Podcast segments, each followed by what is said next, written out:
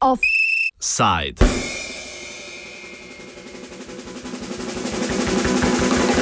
Enoten trg, poenoten internet.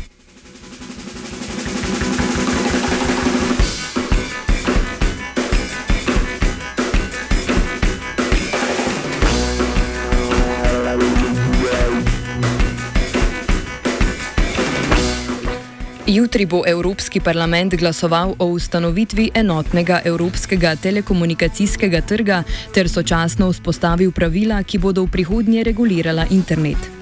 Natančneje gre za vprašanje neutralnosti interneta, angliško net neutrality, ki predpostavlja, da lastniki omrežja ne morejo diskriminirati pri hitrosti nekega paketa glede na njegovo vsebino. Ponudniki bi tako naprimer lahko upočasnjevali podatke torrent omrežja. Evropski parlament je lanskega aprila v prvem branju sicer sprejel uredbo, ki je zagotavljala net neutrality. Po potovanju čez bruselsko kolesje in usklajevanje med parlamentom, komisijo in svetom se je vrnila nova uredba, ki vse prej kot zagotavlja nadaljno neutralnost interneta. Več pove aktivist Domen Savič. Trenuten predlog zakonodaje oziroma predlog uredbe, ki je pred uh, evropskimi poslanci in navidezno uzakonja oziroma rešuje neutralnost interneta, je problematičen v tem, ker se sicer v prvem delu ukvarja z odprtim dostopom in neomejenim prometom oziroma um, ja, neomejenim prometom, ampak v nadaljevanju zadevo pač nekako podre z dopuščanjem um, teh tako imenovanih specializiranih storitev telekomom. Se pravi, zakon oziroma predlog zakona govori o tem, da telekomi lahko v izrednih primerjih odločajo o tem, ali so neke storitve posebne ali ne, oziroma ali lahko določene storitve prioritizirajo na svojih omrežjih.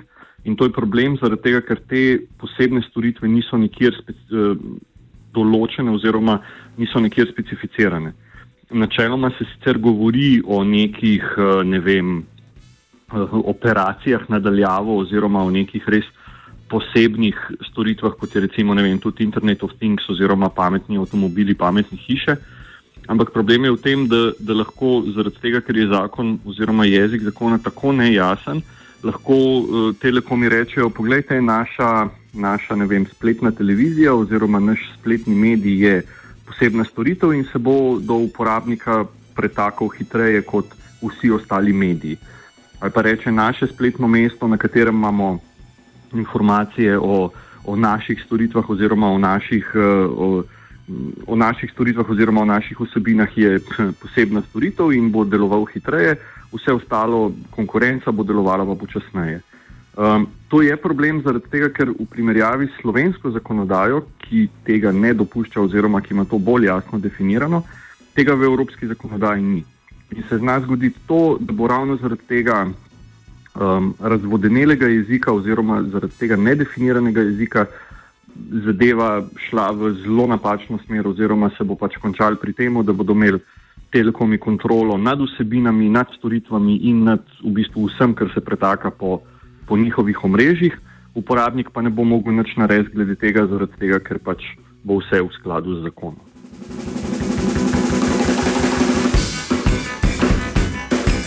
V novi uredbi neutralnost interneta ni več omenjena. Več pove Dušan Cav iz Agencije za komunikacijska omrežja in storitve Republike Slovenije. Ja, zdaj, ta uredba v bistvu pojma net neutrality sploh uh, nikjer ne omenja.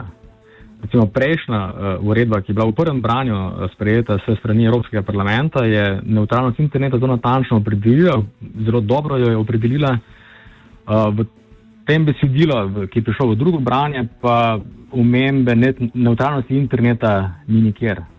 Tako da govorijo o odprtem internetu ne, in o specializiranih storitvah, pri katerih lahko operaterji in ponudniki storitev dostopa do interneta dejansko oblikujejo neke poljubne, uh, neko komercialne dogovore, uh, sklepajo. In uh, tukaj je možno dejansko vse, ne? ni pa to neutralnost interneta, ker internet je lahko neutralen samo, če je cel neutralen ali, ali, pa, ali pa ni neutralen. Ne? glavni problem tukaj je ta, ne, da se govori o specializiranih storitvah. Te storitve že sedaj obstajajo, tako da tukaj ni dobene nevarnosti, ne, da bi recimo vem, tisti, ki zagovarjamo neutralnost interneta, da bi nasprotovali specializiranim storitvam kot takšnim. Ne, ampak te storitve so bile zdaj namenjene uh, IP televiziji, ne, internet, mislim, te IP televiziji ali pa recimo mogoče vem, paketom, ki, ki bi jih storitve, ki bi jih ponujali operaterji svojim storitvam. Ki jih drugače ne morejo ponujati. Zdaj, če bi pa recimo to širili na druge storitve, ne, ki jih je komisija uh, omenjala. Ne? Potem pa se seveda postavi vprašanje, kje je ta meja. Ne? Naenkrat bi se zgodilo, da bi lahko v ta um, nabor teh storitev uh, šlo marsikaj, kar dejansko danes uh, ne potrebuje nekega preferenčnega statusa. In še ena zadeva, mogoče ob tem, ne, uh, obstaja možnost, da se bodo za te specializirane storitve, ki zahtevajo mogoče neko višjo kakovost, tako kot danes, ne tudi v prihodnosti, razvijali neke ne vem, nova omrežja ali karkoli. Ne, tako da uh, Nobene nevarnosti ni, da če bi zdaj recimo ta uredba bila sprejeta, ne, da bi bilo karkoli slabše za operaterje. Pred glasovanjem o uredbi bo jutri čez dan potekala razprava in glasovanje o amandmajih, ki bodo uredbo izboljšali.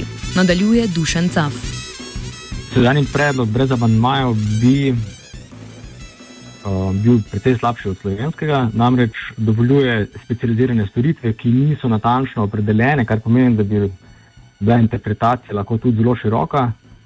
Uh, to so tiste storitve, ki dejansko del interneta namenjajo za storitve z višjo kakovostjo, za dražje storitve. Uh, tako da tukaj težko govorimo o neutralnosti interneta, ker imamo dejansko internet dveh hitrosti, spravi ta odprti del interneta in pa specializirane storitve, za katere uporabniki in ponudniki plačajo neko dodatno višjo ceno in dobijo tudi višjo kakovost uh, storitve, zagotovljeno kakovost.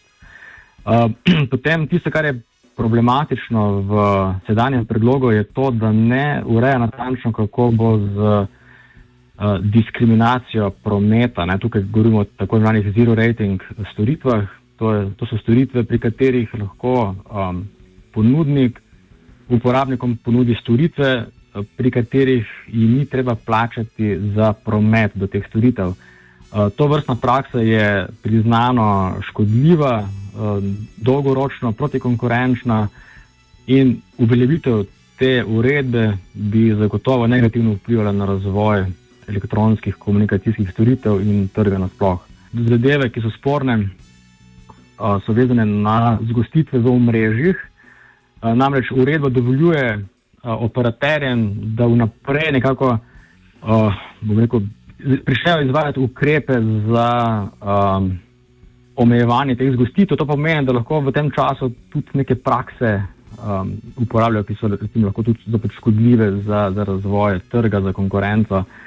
In uh, še ena stvar, ki je tudi sporna, uh, to pa je, da lahko v času, ko te, uh, rekel, izvajajo te zadeve, ne, da lahko uh, klasificirajo promet in dajo recimo enemu razredu prometa prednost pred drugim. To pa pomeni, recimo, da bi lahko neko vrsto prometa, naprimer uh, eh, neke kriptirane storitve ali pa uh, torrente, recimo, da, da bi lahko recimo te peer-to-peer storitve um, upočasnjevali, ne, recimo prednost pa dali drugim storitvam, recimo svojim storitvam. Zdaj, slovenska zakonodaja recimo teh stvari, uh, te stvari prepoveduje, Um, tukaj je mogoče sicer nekaj nejasnosti, vsaj z vidika operaterjev, tako uh, slišimo, ne, kar se tiče uh, diskriminacije prometa, ker oni mislijo, da lahko poljubno uh, oblikujejo uh, pakete, ne, da imajo gospodarsko, svobodno gospodarsko pobudo. Ampak načeloma je, uh, kar se tiče slovenske zakonodaje, ta uh, zelo dobra.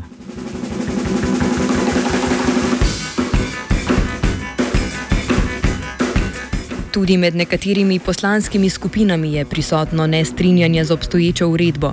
Več pove europoslanec Igor Šultes. Aprila 2014 je Evropski parlament sprejel prvo branje ured na področju tega Evropskega enotnega trga elektronskih eh, komunikacij, vendar eh, brez eh, amadmajev, tako kot je zdaj pripravljeno, gre za veliko slabši tekst in uh, pravzaprav omogoča še vedno določene monopolne položaje in ne zagotavlja neutralnosti interneta. Zato smo pri zelenih pripravili kar veliko število madmajev, skupaj tudi z Združeno levico in pa z nekaterimi drugimi posamezniki iz, iz političnih skupin, da se pravzaprav ti amadmaji nujno podprejo, sicer bomo šli seveda korak nazaj v škodo seveda ljudi in tudi prostega pretoka eh, informacij in predvsem potem zopet ščitimo samo eh, posamezne interesne grupe.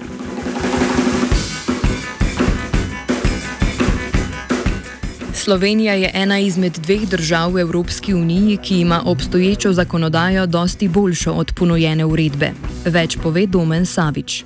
Če bo ta uredba sprejeta, bomo imeli Slovenci na tem področju boljšo zakonodajo in bodo mogli uh, pač telekomi, oziroma se bodo mogli telekomi potruditi še dodatno, da bodo zlobirali spremembo še nacionalne zakonodaje. Slovenska zakonodaja zelo jasno v, v zakonu o elektronskih komunikacijah, zdaj komena, zelo jasno določa, pač, um, kaj je neutralnost interneta, ne dopušča teh uh, specialized oziroma teh posebnih storitev in dejansko dela to, kar bi morala delati Eh, evropska uredba oziroma ta uredba, ki jo imajo zdaj v bistvu poslanci pred glasovanjem. Tako da se, ne glede na to, kaj se bo, če to snemamo danes, jutri, eh, dogajalo v, v Evropskem parlamentu v, v, na tem glasovanju, se bo morala potem zgoditi še ena, še ena kampanja oziroma bodo morali potem telekomi v Sloveniji še dodatno pritiskati na slovenske zakonodajalce, da naj spremenijo oziroma da naj poslabšajo še slovensko zakonodajo. Um, tako da je v bistvu tukaj, m, bi apeliral res na, na, na uh, evropske poslance, na slovenske evropske poslance, da ne pač glasujejo v skladu z željami, željami uporabnikov oziroma željami pač uh, slovenskih državljanov in da ne pač za vzor oziroma za zgled ne si vzamejo slovenski zakon, ki je veliko boljši kot to, kar imajo pred sabo trenutno. Med debato o neutralnosti pa se pozablja, da se sočasno ustanavlja tudi skupen telekomunikacijski trg. Nadaljuje državljanska aktivistka Nataša. Ta internetna neutralnost trenutno je strogo zakonjena. Um, pač, uh, jutrišnje glasovanje bo odločilo o tem, da v bistvu bo pač že samemu propozalo ime pač, uh, ne Telekom Single Market, torej um, Evropsko tržišče bo postavil enoten trg. Um, in s tem pač uh, mi izgubimo internetno neutralnost, ker bomo pač mogli um, pač se podrediti tem ukazom iz Evrope.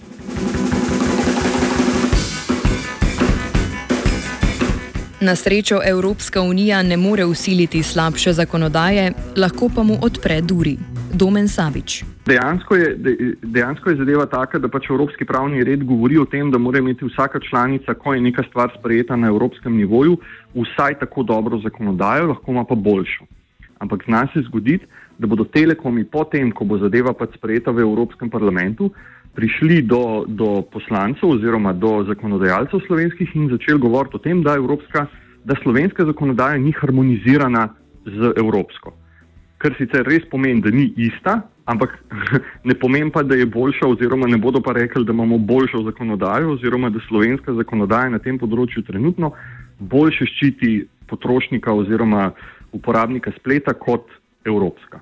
In tega se je treba paziti, oziroma to je potem še ena naloga za medije, aktiviste in vse ostale, ki delujemo na tem področju, da se bomo potem še ukvarjali s poslanci oziroma jim še dodatno pojasnjevali, da pač harmonizacija ne pomeni nekaj dobrega, ampak da konkretno v tem primeru pomeni to, da bomo mogli uh, Slovenci svojo zakonodajo poslabšati, zato da bo enaka evropski, kar je nesmiselno. Jutrišnjo glasovanje ima potem takem dva možna rezultata. Če bo uredba izglasovana, bo imela Evropska unija oslabljeno neutralnost interneta. V primeru, da poslanci glasujejo za amandmaje, se uredba vrne v svet Evropske unije, ki lahko uredbo sprejme z amandmaji. Ob nesprejetju se zgodba nadaljuje, situacijo pa razrešuje skupni komitej med parlamentom in svetom.